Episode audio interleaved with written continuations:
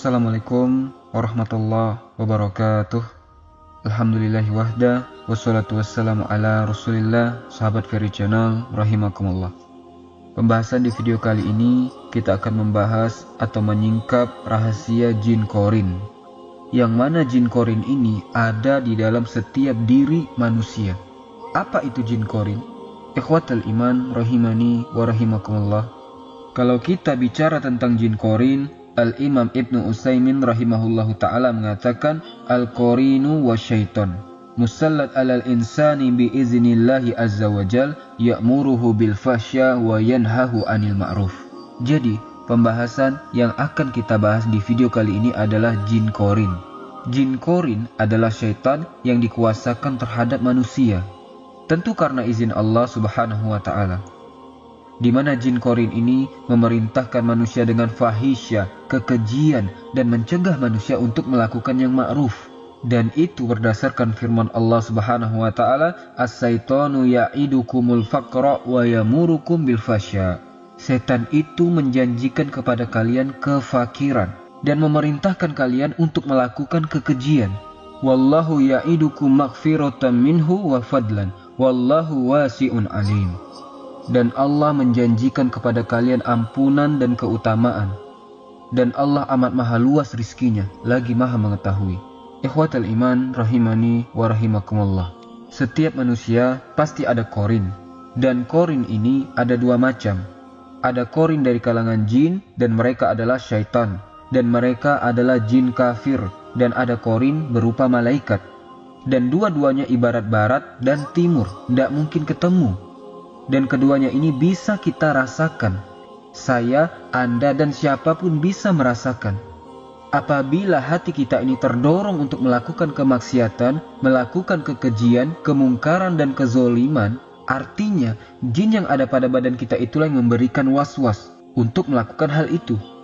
Tapi jika yang kemudian yang diperintahkannya adalah memerintahkan kepada kebaikan, kepada ibadah dan ketaatan, berarti itu datang dari malaikat yang mencintai kebaikan. Ikhwatal iman rahimani wa rahimakumullah. Seperti apa jin korin ini? Apakah setiap manusia memiliki jin korin? Apakah para nabi juga memiliki jin korin? Bagaimana pula dengan korinnya para nabi? Dan apakah juga korin ini akan meninggal ketika manusia yang dikorininya ini meninggal? Di dalam surah Qaf, Allah Subhanahu wa taala berfirman, A'udzubillahi minasyaitonirrajim. Kunta fi ghaflatin min haza fakashafna anka ghita'aka fabasarukal yauma hadid. Sesungguhnya kamu dahulu lalai tentang peristiwa ini, maksudnya kematian. Banyak orang yang lalai bahwa dirinya akan mati banyak. Maka kami singkapkan tutup yang menutup matamu. Ada yang mengatakan bahwa ketika seseorang itu mengalami sakaratul maut, maka hal-hal yang gaib disingkapkan kepadanya, ditampakkan, di mana dia mampu melihat malaikat-malaikat yang hendak menghampiri dan mencabut ruhnya. Ada juga yang mengatakan dia mampu memandang catatannya semasa hidupnya, dia sanggup memandang catatannya. Apakah catatan yang baik atau catatan yang buruk disingkap semuanya. Sehingga penglihatannya pada hari itu sangat tajam sekali. Haza ma atid. Dan korin yang berupa malaikat yang menyertai selama hidupnya. Dari dia lahir sampai dia wafat berkata, Inilah catatan perbuatan yang ada padaku yang kucatat selama aku hidup. Alkiya fi jahannam kulla kafarin anid. Maka Allah berfirman, lemparkanlah olehmu berdua ke dalam neraka jahannam. Semua orang yang sangat ingkar lagi keras kepala. Manna ilil khairi mu'tadi murib. Yang sangat enggan melakukan kebaikan. Melampaui batas dan bersikap ragu-ragu allazi ja'ala ma'allahi ilahan akhara fa'alkiyahu fil azabi syadid. Yang mempersekutukan Allah dengan Tuhan yang lainnya maka lemparkanlah dia ke dalam azab yang sangat keras. Qala qarinuhu rabbana ma'adghaituhu walakin kana fi dhalalin ba'id. Kemudian berkatalah syaitan yang menyertainya, maksudnya Korin yang menyertai selama hidupnya. Dia pun berkata, Ya Tuhan kami, aku tidak menyesatkannya, tetapi dia sendiri yang berada di dalam kesesatan yang amat jauh. Qala la taqtasimu ladayya wa qad qaddamtu bil wa'id. Maka Allah berfirman, janganlah kalian bertengkar di hadapanku. Dan sungguh dahulu aku telah memberikan ancaman kepada kalian. Ma yubaddalul qawlu ladayya wa ma abid. Keputusanku tidak dapat diubah dan aku tidak menzolimi hamba-hambaku. Dalam ayat ini Allah Subhanahu wa taala menyebutkan dua kata korin. Pertama Allah Subhanahu wa taala mengatakan wa qala qorinuhu haza ma ladayya atid. Kemudian yang kedua qala qorinuhu Rabbana ma'at ghaituhu walakin kana fi dholalim ba'id. Di sini ada dua kata korin. Ya karena korin itu ada dari kalangan malaikat yang mendorong kita untuk berbuat baik. Dan yang kedua ada dari kalangan jin kafir, syaitan yang memerintahkan kita untuk melakukan kekejian dan melarang untuk melakukan yang ma'ruf. Ini ayat yang pertama yang menetapkan adanya korin. Dan kita tahu bahwa yang namanya korin dari kalangan jin pasti kafir dan Allah izinkan dia bersarang di badan kita lewat jalan darah kita, kemudian memberikan was-was untuk melakukan keburukan.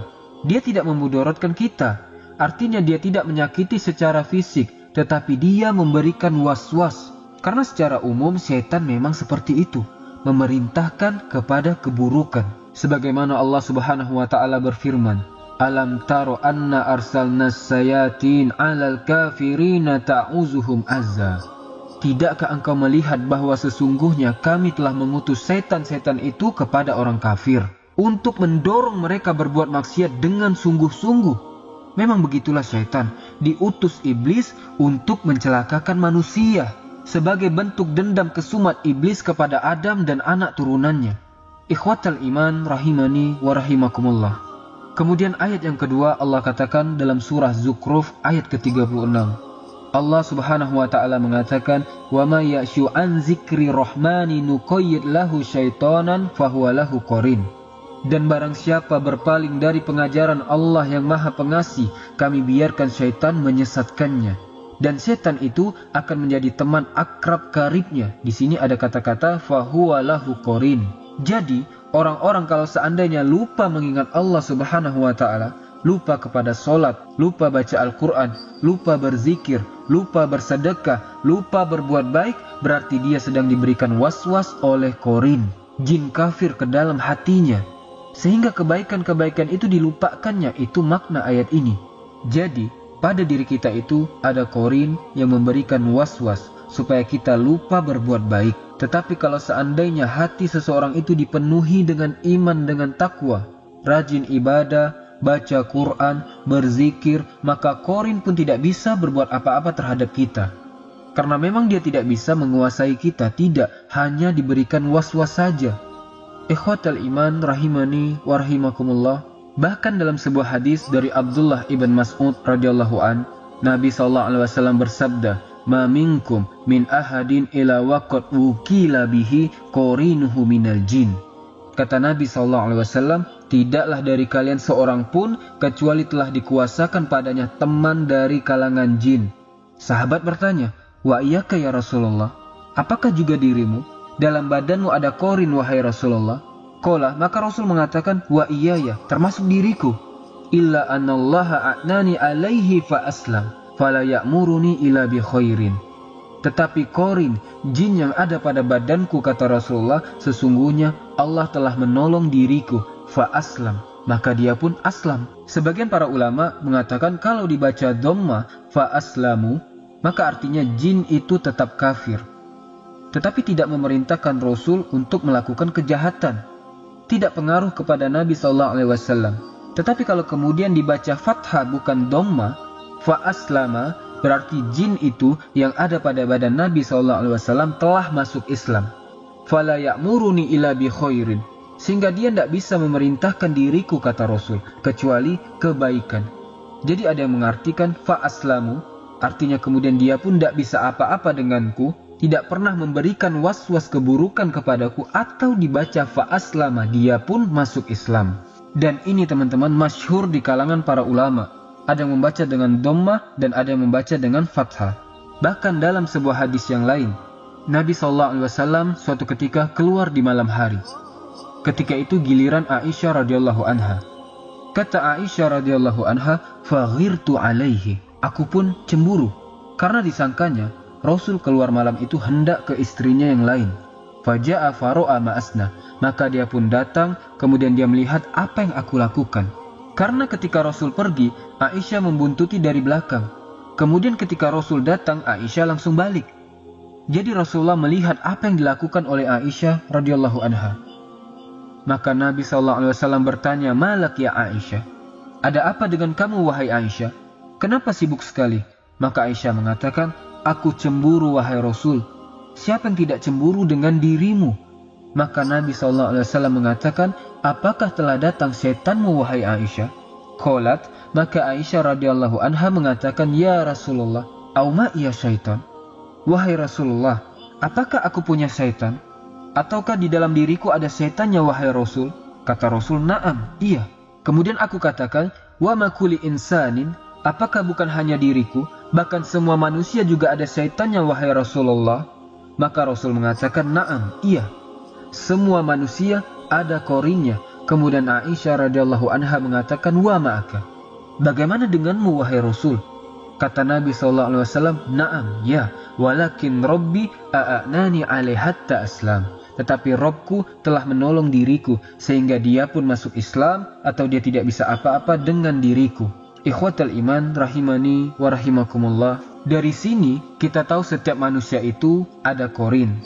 Sejak dia lahir sampai dia wafat semua manusia tanpa terkecuali mau orang biasa, mau orang soleh, mau para ulama, mau para santri sampai kepada para nabi dalam tubuhnya ada korinnya.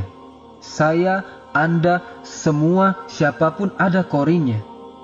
Karena Allah Subhanahu wa taala sudah mengizinkan kepada korin itu untuk bersarang di hati manusia, untuk memberikan ujian, memberikan was-was kepada keburukan, tetapi karena keadilannya Allah pun kuasakan korin yang lain dari kalangan malaikat untuk menyeimbangkan supaya ada yang memerintahkan kepada keburukan dan ada yang memerintahkan kepada kebaikan tergantung kita.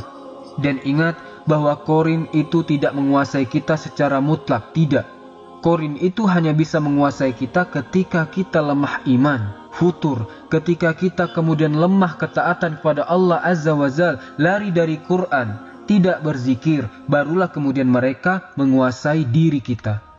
Tetapi kalau iman kita kuat, baca Quran kita kuat, zikir kita kuat, ibadah kita kuat, maka mereka tidak sanggup apa pun dengan diri kita. Ikhwatal iman rahimani warahimakumullah. Sebagian para ulama menjelaskan, lalu apa tugas korin selain daripada memberikan was-was itu? Ada juga yang mengatakan bahwa ketika manusia tertidur dan dia lupa untuk berwudu, lupa membaca doa, lupa untuk ta'awud kepada Allah Subhanahu wa taala, dia pun tidur begitu saja, maka terkadang korin ini masuk ke dalam mimpinya. Terkadang dia kemudian di dalam mimpinya menyerupai binatang seperti ular, ataupun orang yang hitam yang menakutkan atau sejenis binatang-binatang buas. Pokoknya dia tasyakul di dalam mimpi kita sehingga menakut-nakuti kita. Sehingga dengan masuknya dia itu ke dalam mimpi kita dan memberikan mimpi-mimpi buruk sehingga akhirnya kita ketakutan. Mimpi buruk. Ya karena tugas setan itu salah satunya adalah menakut-nakuti manusia. Ikhwatal iman rahimani wa rahimakumullah. Tetapi ada beberapa catatan tentang masalah korin ini.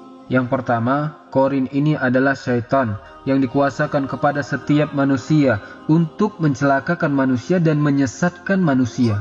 Ingat, tidak ada korin yang baik. Korin itu akan tunduk kalau Anda di atas ketaatan saja. Dia tidak bisa menyerang kita lewat was-was.